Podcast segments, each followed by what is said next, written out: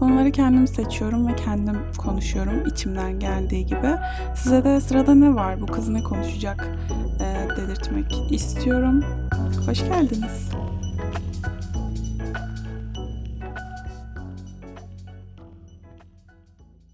Selam, bugün 11. bölümü kaydediyorum. E, dil ediniminden ve hayattaki dengeden birazcık bahsedeceğim bu bölümde. Bu bölüm biraz fazla çektiğim için gerçekten fazla kaydedip kaydedip sildiğim bir bölüm oldu. O yüzden bazı şeyleri söylerken unutuyorum. Sonra söylediğimi zannediyorum ama söylemiyorum falan. Yani artık olacaksa da böyle bir bölüm olacak. Ee, bu ayı bölümsüz atlamak istemedim çünkü. Sanırım her aya bir bölüm falan denk geliyor. Ee, 10 günde bir atmak gibi bir hedefim vardı ama her zaman gibi bu da aksadı. İşte hayattaki dengeden o yüzden bahsedeceğim. Ee, dil ediniminden bahsetmek istedim. Çünkü e, Thanksgiving dönemindeyiz ya ve işte insanlar genellikle hindilerini pişiriyorlar, işte e, paylaşıyorlar falan ve geçen yıllarda hatta geçen yıl sanırım David Beckham e, hindisini paylaşmıştı. İşte o turkey murkey bir şeyler yazmıştı ve tabii ki insanımız kendisinden bahsedildiğini zannedip aa David Beckham bizden bahsetmiş haydi asın bayrakları Turkey demiş adam yahu deyip Instagram sayfasının altını yorumlarla doldurmuşlar Türk bayraklarıyla. İşte cehalet 101, cehaletin 50 tonu. Ee, yani dil edinemeyen bazı Türklerimiz falan işte. Aa Türkiye'mde de hadi işte paylaşmış bize hadi şey yapalım falan. İşte yani hani bazı mekanizmaların Türkiye'de neden e, yanlış işlediğini anlamak çok kolay. Hani mesela Amerika Türkiye mi diyor, kötü mü diyorlar hani bazı insanlar Amerika'da. E, Amerika bize kötü mü diyordur? Evet kötü diyordur. O Amerika bize kötü demiş, Türkiye demiş falan diye büyük ihtimalle gaza falan geliyorlar yani. Ya da mesela biri işte Türkiye diyor aslında bize sövüyor orada falan ama yok ya bizim ilişkilerimiz iyi falan hani o ülkeyle deyince ay Türkiye yaşasın falan diyorlar mı zannediyor acaba diye düşünmüyor değilim. Çünkü adam hindiyi paylaşıp altına Turkey yazdı diye sen oraya bayrakları işte sıralarsan vay efendim sen işte Türkiye'ye gel seni çok seviyoruz Türkiye'den selamlar falan yazarsan yani ben sorgularım. Bu millet nasıl anlıyor, nasıl kavruyor? İşte bu ım, algılamasında, kavramasında bir sıkıntı mı var? süzmesinde, akıl süzgecinde bir sıkıntı mı var diye sorgularım. Ki bence biraz var. Ee, yani Aziz Nesin boşuna dememiş. Türk milleti hakkında bir sözü var ya burada şimdi tekrar dilendirmek istemiyorum adama nefret çekmek istemiyorum ama bence çok doğru. O yüzden e, dil edinimini ele alacağım. E, sonra işte insanların böyle Instagram postlarına girip bayraklarımızı yazıp o işte Türkiye'den bahsetti falan diye gezinmeyelim diye yani yanlış anlaşılma olmasın. Tek derdim rezil olmamız. Tek derdim dil edinebiliyor olmamız. Ne yazık ki bizim ilkokullarımızda, işte ortaokullarımızda, liselerimizde hatta üniversitelerimizde bile verilen dil eğitimi e, iyi değil. Ve genellikle dilin öğrenilebilen, öğretilen bir şey olduğunu falan düşünüyor çoğu insan. Ama dil öyle bir şey de değil. E, eğer bu konuya birazcık ilginiz varsa işte dille alakalı herhangi bir ne bileyim makale okuduysanız ya da bu tarz bir bölüm okuyorsanız zaten mutlaka duymuşsunuzdur. E, dil daha çok e, algılanabilen ve kavranabilen ve bunu işte e, yani işleme dökülen mi diyeyim artık ne diyeyim hani bu süreci tamamen işte anlayabildiğiniz artık e, işte yeni kelimeler bulabildiğiniz, e, türetebildiğiniz işte ondan sonra iletişim kurabildiğiniz e, seviyeye geldiğiniz bir süreç ve bu sürece dil edinimi süreci, dil edinimi deniyor. E, ve bizde aslında e, böyle şeyler yok yani anlama kavrama falan bizde yok biliyorsunuz. E, ezber işte ayın yanına em gelir. E, he sheet'in yanına işte şu gelir. Değer bilmem ne yanına bu gelir. İşte geniş zamanda es takısı alır bilmem. Yani full ezbere gittiğimiz için işte cümle kurmadığımız için örnekler vermediğimiz için ya da dilimizi e, genellikle o dilde konuşmaya alıştırmadığımız için işte böyle bir süre sonra anlıyorum ama konuşamıyorum problemleri falan da çıkıyor ya genellikle hepimizin şikayet ettiği bir durum. E, neden bu konuya peki bu kadar eğildim? E, Arapça ve Çince öğreniyorum zorunlu olarak. Öğrenmeye çalışıyorum. Yani edinmeyi geçtim artık gerçekten. Edinmek falan istemiyorum. Ee, ve ben İngilizceyi nasıl öğrendim diye bir sorguladım. Bu arada ben İngilizce hala çok öğrendiğimi düşünmüyorum. Ee, evet anlayabiliyorum. Evet konuşabiliyorum ama çok iyi hissetmiyorum kendimi ya da çok özgüvenli hissetmiyorum bu konuda ya da evet ya ben İngilizceyi biliyorum canım diyemiyorum açıkçası ve bu aslında özgüvenimle pek alakalı değil. Bu gerçekten bu dilde yaşadığım sorunlarla alakalı. Ee, birçok yabancı yani aslında birçok değil ama iki tane yabancı arkadaş yaptım yazın kendime ve hani biraz İngilizce konuşurum, İngilizcemi geliştiririm diye.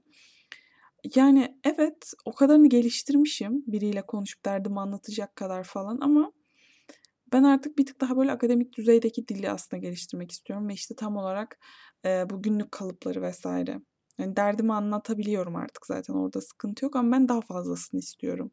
Birazcık daha böyle yerli gibi konuşmak istiyorum mesela. Ee, sanki o dilim ana dilimmiş gibi olsun falan istiyorum. Yani belki çok şey istiyorum ama bunlar da nasıl oluyor?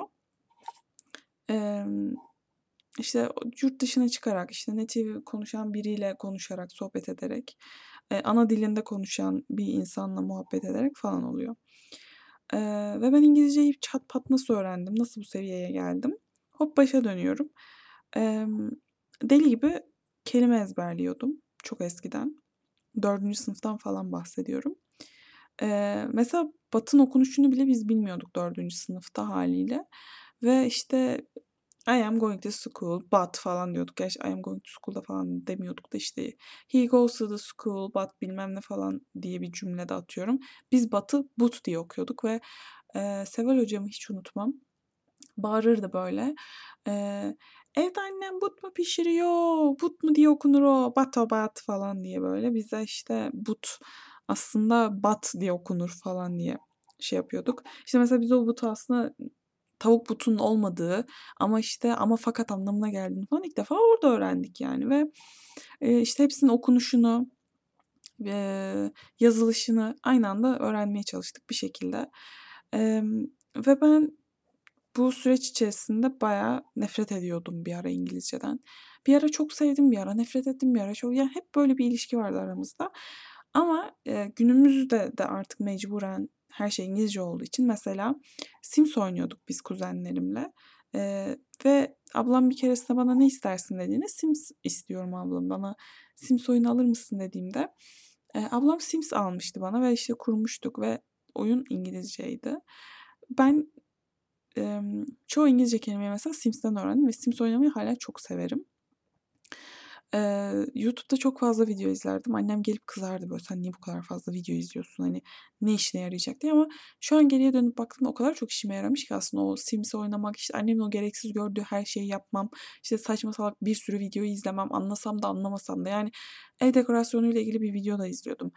Eee, genellikle böyle işte ne deniyordu onlara ya? Daha çok böyle makyaj yapan işte beauty gurularından tutun ev düzenleyen birine işte spor yapan bir insana böyle saçma salak şeyleri çok izliyordum. İşte böyle yemek kanalı ya da arabayla ilgili falan olmadığı sürece, işte sporla ilgili olmadığı sürece falan birçok kanalı izliyordum.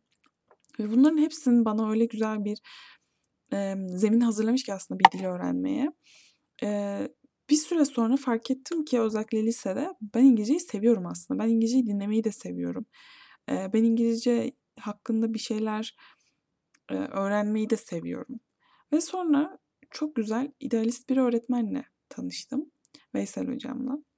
Ee, bu yayın yani bu podcast büyük ihtimalle dinlemeyecek ama ben gene de ya o dinliyormuş gibi zaten anlatmayacağım ama benim bugüne kadar gördüğüm en idealist öğretmenlerden birisiydi. Ee, benim gittiğim Anadolu Lisesi çok daha böyle kaliteli, çok da işte muazzam harikulade bir Anadolu Lisesi değildi. Ee, onda da bile tüm öğrencilerine şey yaptı böyle hani seviye sınavı yaptı. Ve ben şey yaptım böyle ilk izlenim olarak bende şunu bıraktı. Takım elbise giyen biri, gözlük takan birisi ve ilk haftada sınav yapıyor. Ne düşünürsünüz bir öğretmen hakkında? Dedim ki tamam yani sıçtık hani daha ilk haftadan böyle yapıyorsa bu adam takım elbiseli gözlüklü işte sınavlı falan yapıyorsa bittik yani biz İngilizce sikecek bizi dedik yani dedim. E, nefret ettim yani tanımadan daha. Ve sonra sınavdan kaç 80 küsur almıştım. En yüksek alanlardan biriydim ve şey oldum böyle. Vay anasını satayım yani. Ben de bu iğrenç İngilizceyle bu notu aldıysam sınıfın ortalaması ya gerçekten çok düşük ya da benim İngilizcem iyi. Sınıfın ortalaması çok da yüksek değilmiş kısacası ama e, orada bir şey geldi bana böyle tekrar hani işte nasıl desem bildiğim konular olmamasına rağmen o 80'le de alakalı olmamakla birlikte e, lisede tanıştığım o idealist öğretmen aslında bana İngilizceyi tekrar sevdirdi. Çünkü bir şeyi öğretirken ya da bir dili edindirmeye çalışırken diyebilirim. E, onu sevdirmek çok çok önemli ve Veysel Hoca kesinlikle ben o e, nefret ettiğim dönemde ken İngilizceden yani nefret ediyordum o dönemde. Böyle tekrar sevdirdi İngilizceyi bana. Ve benim gördüğüm o yüzden en idealist öğretmen. Çünkü ilk başta e, sınıfın seviyesini ölçtü. O kadar doğru bir şey ki aslında yaptığı. Yani direkt langur lungur başlamadı mesela öğretmeye. Ya sizin zaten bu zamana kadar buraya kadar gelmiş olmanız gerekiyor. Hadi bundan sonraki işte şeyde böyle falan demedi. Ve bizi seviyemizden başlattı. Güzel kaynaklar bulmamızı sağladı. E, yardım almamızı sağladı ondan. E, ya ben anlamadığımda çoğu şey sorduğumu çok rahatlıkla çekinmeden e, yargılanmayacağımı bilerek e, çok fazla soru soruyordum. E, mesela telaffuz konusunda bize çok yardımcı oluyordu. Mesela the kelimesini ondan öğrenmiştim. Yani daha doğrusu telaffuzunu. İşte mesela though e, ya da three ya da ne bileyim böyle bir sürü kelime var ya işte through gibi falan. İşte on, oradaki tüm bu serisini e, o öğretmişti bana mesela ve bu zamana kadar liseye kadar kimse bana o kelimenin e, o kelimelerin nasıl telaffuz edileceğini söylememişti mesela ve ben çok fazla böyle Türk İngilizcesiyle konuşuyormuşum. Ve ilk orada mesela bu tarz şeylerle karşılaştım ve normalde çoğu lisede ne kadar iyi olursa olsun bunun yapılmadığını biliyorum. Gerçekten yapılmıyor. Çünkü aslında öğretmenler bile o kadar iyi İngilizce bilmiyor. Yani her açıdan bizi çok donatmaya çalıştı Veysel Hoca ve e, bu dili öğrenirken aslında günlük hayatımıza da sokmamız gerektiğini de öğretti bir yandan. Zaten ben çok dinliyordum, izliyordum vesaire ama yani o da hiçbir zaman şey yapmadı yani böyle hani saldım çayıra mevlam kayıra gibi yapmadı. Ee, mesela elimizden tuttu bizi dershaneye götürdü. Hani çocuklar bakın bu alanda bir şey yapmak istiyorsanız işte çok iyi bir dershane var işte şurası hadi gidelim ben sizi götüreyim şu zamanım boş gibi. Yani ben bugüne kadar e, hiçbir hocamda hiçbir öğretmenimde görmediğim çoğu şeyi onda gördüm. E, yani öğretmenlerle ilgili de bir bölüm çektiğimde hatta bahsetmişimdir belki biraz ama bir dil hocasında bunu gördükten sonra belki de dil bölümüne bu kadar yani evet dil bölümü açtırmak için de çok uğraştık mesela. Belki de bu yüzdendi. Yani o, o idealistliği görmek, o o eğitimciliği görmekti belki de. Çünkü en ilgilenmeyeni bile sınıfta bir şekilde derse katılıyordu. Ve o kadar saçma bir sınıftık ki ders işlenmediğinde o hocaya iyi ama ders işlendiğinde birazcık disiplin gördüklerinde ha yani bu hoca da biraz üf, takıntılı ya falan denilen bir sınıftan bahsediyorum ve kimse Veysel Hoca'ya tutup da takıntılı diyemezdi. Nefret ediyorum da diyemezdi. Belki çok seviyorum da diyemezdi ama bir şekilde katılırdı herkes onun dersine. Öyle bir aurası vardı. Ee, o yüzden bir dil edinirken e, çevrenizdeki insanların sizi cesaretlendirmesi, elinizden tutması, e, size öğretirken aslında çok donanımlı bir şekilde size öğretmesi çok çok önemli. E, dolayısıyla dil edinirken işte bir iyi bir yol göstericiye aslında ihtiyacınız var. İyi bir öğreticiye, iyi bir dil e, ediniminize katkı sağlayacak insana ihtiyacınız var. En önemli şeylerden birisi bu. E, ikincisi çok fazla maruz kalmanız gerekiyor. Üçüncüsü çok fazla çalışmanız gerekiyor. Yani bu aslında maruz kalmakla aynı şey. E, gününüzün büyük bir bölümünü aslında o dile ayırmanız gerekiyor ki otursun ve o dili artık günlük hayatta kullanabiliyor olasınız. Diyebiliriz kısaca. Ve siz işte cümleler kurduğunuzda işte o dili tamamen tamamen demeyeyim ama büyük bir kısmını işte anlayıp kavrayabildiğiniz aslında o dile edinmiş oluyorsunuz. Sanırım İngilizceyi bir tık edinmiş olabilirim diye düşünüyorum. Aynı şeyleri Çince'de ve aslında Arapça'da da uygulayabiliyor olmam lazım. Eee, kaynak bulmakta çok sıkıntı yaşıyorum bir. İkincisi çok severek çalışmıyorum. Yol göstericilerimin birisi çok da başarılı sayılamaz bana göre.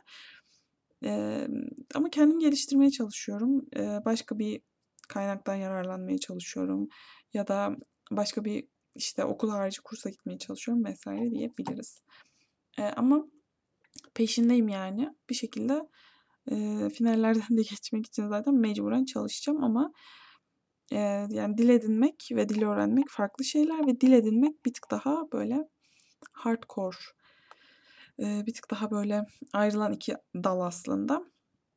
Eee, o yüzden bir insanın Instagram postunun altına "Türkiye'ye gel, yaşasın, as bayrakları." falan yapmadan önce aslında, eee, o dili iyi edinebilmemiş olmamız gerekiyor ki, emm, hani, aslında iyi bir şey yazdığını zannediyorken belki de sövüyor bizi ama farkında bile olmadan iyi bir şey yazdığını zannederek iyi yorumlar yapıyoruz karşımızdaki insana.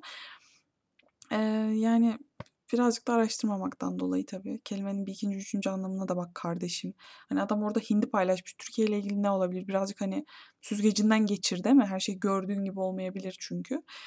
Ya, ama işte Türk milli yani Aziz Nesin, seni bugün çok andım, seni seviyorum. Eee, bir diğer konum da denge aslında, işte, bu hayattaki denge. Eee, vize haftasından çıktım. Eee, çok kötü bir haftaydı. Size neler yaşadığımı ve, işte, dengeyle alakalı aslında nasıl bağlayacağımı birazdan anlatacağım.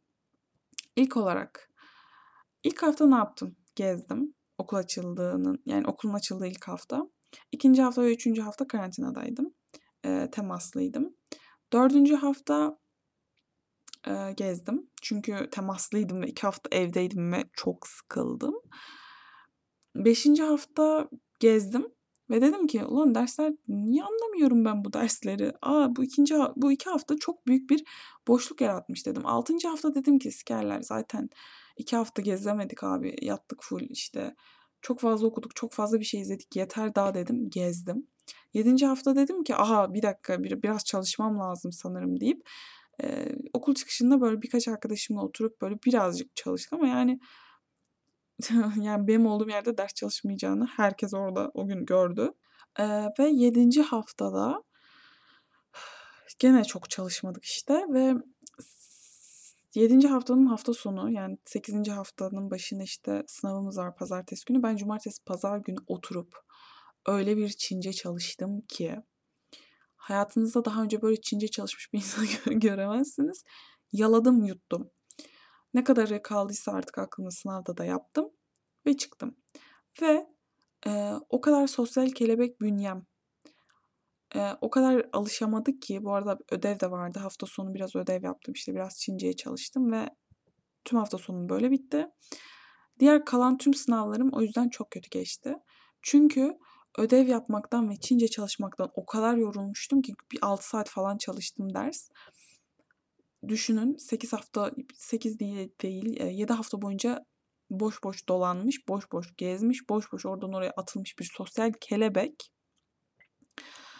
Eee, 6 saat ders çalışıyor ve sonra ödev falan yapıyor. Ödevi, işte, zoru zoruna falan atıyor böyle sinir krizleri eşliğinde. Sinir krizi dedim böyle, işte, hani, ay yetişti yetişmedi falan eşliğinde. Hani, atayım da birazcık kurtulayım, diğer ikisi kalsın artık vize haftasına falan eşliğinde onları atıyorum. Çince çalışıyorum çünkü sabahın köründe Çince sınavı var. Çince sınavına giriyorum, çıkıyorum ve diyorum ki yani sikerler böyle işi ben çalışmayacağım falan diyorum ve bırakıyorum çalışmayı. Gerçekten de her sınava şöyle çalıştım. Emm, eve geldim, uyudum, uyandım. 1 saat baktım, bakmadım, uyudum, uyandım. Sonra sersem gibi okula gittim, sınava girdim, çıktım. Diğer sınava kadar çalıştık. Çalıştığımızla girdik, yaptık, çıktık falan yani böyleydi sistem. Ve şunu fark ettim ki böyle olmuyor. Yani son dakika ne kadar bilgileri sıkıştırmaya çalışırsam çalışayım beynime almıyor. Birini alıyor, ikisini alıyor, üçüncüde zortluyor. Eee, ya da üçüncüyü ikinciyi alıyor, birinci zortluyor. Yani bir şekilde biri çıkıyor aklınızdan. Ve düzenli çalışanların hepsi 100 alıyor. Şaka gibi ama gerçek yani. Arkadaşlar üniversitedeyiz yani farkındasınız değil mi? Yani, hani, hepimizin böyle gezeceği, böyle gençliğimizin baharı falan, hani, böyle yani ne gerek var anladınız mı yüz almaya? Bu kadar da hırslı olmayın falan diyorum içimden ama e, de, onlar da bence biraz dengesiz yani birazcık da gezilmeli diye düşünüyorum. E, işte dengeyi kurmak o yüzden çok önemli. E, ne kadar sosyalleşiyorsanız aslında bir o kadar da ders çalışmanız gerekiyor gün içinde. Ki benim gibi sinir krizi eşliğinde sin yani sinir krizi ciddiye almıyorsunuzdur umarım ama gerçekten böyle o kadar um, umursamadım ki artık. Yani dedim ki ya finalde toplayacağız. Yani başka hani kurtaracak yolu yok yani hangi kelimenin hangi birini ezberleyeyim, hangi sınavın hangi birine çalışayım deyip saldım ama bu da yanlıştı aslında. Ee, çoğu kolay sınavı aslında böylelikle kötü yapmış bulundum. Gözlüğümü kırdım. Ayakkabımın kenarını patlattım falan derken yani bu hafta bu hafta değil geçen hafta kötüydü. Bu hafta güzel bir hafta. Güzel başladık bu haftaya. Ee, dedim ki işte bu hafta çalışmaya başlarım zor. Çalışamadım gene. Ama önemli olan dengeyi kurmak. Yani ne kadar sosyalleşiyorsanız bir o kadar da aslında işte geriye kalan diğer işlerinizi, görevlerinizi falan halletmek. Bende hiçbiri yok çünkü belli ki. Ee, o yüzden birazcık uyku düzenimi düzene sokmaya karar verdim bundan sonra. Çünkü gerçekten olmuyor böyle. Ben hayalleri, idealleri olan bir insandım. Şu an yok. Bir de evet ekonomi inanılmaz etkiledi beni. Dolar olmuş 13 lira. Euro olmuş 14-15 lira. Tam emin değilim. Doları çok sık takip ediyorum ama. Sterlin olmuş 14-15 lira. 16 da olabilir emin değilim. Sterlin'i de çok takip ettiğim söylenemez. Yani benim tüm hayalim, umudum, her şeyimi elimden patır patır alıyorlar ve sonra diyorlar ki hadi çalış. Yani ebenin şeysi. Ebenin yani. Nasıl çalışayım şimdi tutup da ben? Benim elimden varım yoğum her şeyimi alıyorsunuz. Ben bir dışarı çıkıyorum bir çay içiyorum beş buçuk lira veriyorum bir çaya.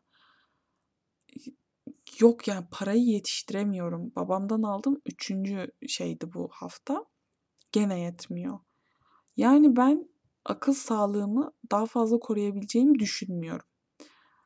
O yüzden böyle her şeyi sikerler amına koyayım falan deyip böyle devam ediyorum hayatıma. Çünkü başka yapacak hiçbir şey yok. O yüzden de birazcık dersi falan da saldım yani. Büyük ihtimal çünkü önceden şöyle hayallerim vardı. Hani ortalamamı yüksek tutarsam belki Erasmus'a giderim. Ahayt ödenekler kesildi. Belki şöyle olursa belki böyle yaparım. Hop dolar 13 lira oldu. Ben derken olmuyor yani. En kötü planım şeydi benim. Bir şekilde hani böyle Türk lirasının bir tık daha değerli olduğu ülkelere gidip hani orada birazcık işte böyle İngilizce konuşurum. Sosyal kelebekliğimi birazcık da orada yerine getiririm. Evet hani 3 ay köpek gibi çalışırım ama en azından bir yurt dışı tatilim olur. Ve hepsi teker teker TL'nin düştüğü gibi düştü suya yani. Ve hani nasıl ben burada böyle hayatımı çok mutlu yaşayayım, benim bir ders çalışma isteğim olsun. Hani şöyle düşüneceğim mesela. Bir şekilde dersimi çalışayım, kurtarayım, ne bileyim doktor olayım, mühendis olayım, siktirip gideyim mesela. Yani gene olmuyor, gene mutlu olamıyorum. Düşünüyorum. Evet yurt dışına yaşamak çok isterim, köpek gibi isterim. Ama günün birinde Türkiye'de de gene yaşamak isterim. Ve şöyle bir önümüzdeki sanırım bir 20-30 yıl falan çok da iyi yaşayamayacağız gibi gözüküyor. Ee, yaşasak yurt dışına tatillere gidemeyeceğiz. Yurt dışında yaşasak yani burada sevdiğim insanlar ne olacak? Tamam hadi onların özlemine dayandım diyelim. Gerçekten istiyor muyum yaşamak? Yani çok fazla soru var aklımda. Ya büyük ihtimalle yaşamak isterim. İlla isterim. Ama bunu sürekli ister miyim bilmiyorum. Yani gidip biraz deneyimleyip aslında buna karar vermek gerekiyor bence. Ama böyle işte yani hayatın dengesini kurmak birazcık da Türkiye'nin dengesizliğinden geçiyor benim için sanırım. Eskiden bazı gayelerim vardı çünkü şu an belli ki yok. Ee, hani şey yapıyorum. Çalışsam ne olacak ki zaten asgari ücret alacağım. Şunu yapsam ne olacak ki zaten şöyle olacak diye diye bok yoluna doğru gidiyoruz. Hayırlısı aşkolar. Evet bu bugünlük bu kadar dengeyi kurmak ve dil edinmek hakkında tüm fikirlerimi, anılarımı, görüşlerimi, her şeyimi paylaştığım bir bölüm daha oldu. Bol bol konuştum ve bu bölümde annem araya girmedi. Çok şaşırtıcı. Saatte iki buçuk oldu. Ben yine şu an sinirliyim. Yani 2.30'da ben ben şu an uyuyacaktım mesela. Uykum deli gibi var bugün. Ama ne oldu? Annem 3 kere bölümü kestiği için ve 3. bölümü şu an gene çekmek zorundayım. O yüzden gece 2.30 oldu ve gene sinirliyim yani. Ama neyse geçer bu yarın uyanıp uyanınca. Bu aralar biraz gerginim ya. Sanırım evet bayağı gerginim. Neden dolayı? Param yok. Vizelerim kötü. Ders çalışmam lazım ama çalışamıyorum. Erken uyuyup erken uyanamıyorum. Böylece düzenimin anası şey oluyor. Hmm, ve koşum kayıp. Hmm, evet. Sanırım bu kadar. Ee, ama sosyal kelebekliğimden asla ödün vermiyorum. Fark etmişsinizdir. bir sonrakine görüşürüz. Hepinizi öpüyorum. Ee, lütfen dili edinelim. Ee, insanların postlarının altına Türkiye bayraklarını asasas diye asmayalım. Her şeye bakalım. Anlayalım. Süzgecimizden geçirelim. Kavrayalım ve bunları işleme dökebilelim. Teşekkürler. Öpüyorum. Bay bay.